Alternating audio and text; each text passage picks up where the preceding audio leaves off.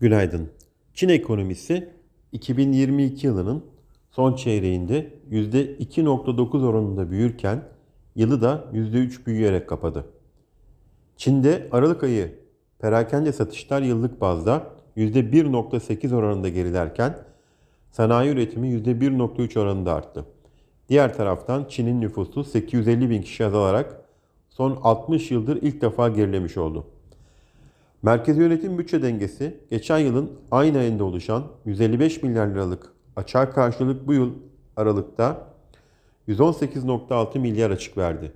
Böylece yıllık bütçe dengesi 139.1 139.1 milyar TL ile OVP'de beklenen 461 milyar TL'nin oldukça altında kalırken tahmini gayri safi yurt içi hasılamıza oranı olarak da %0.96 seviyesinde kaldı.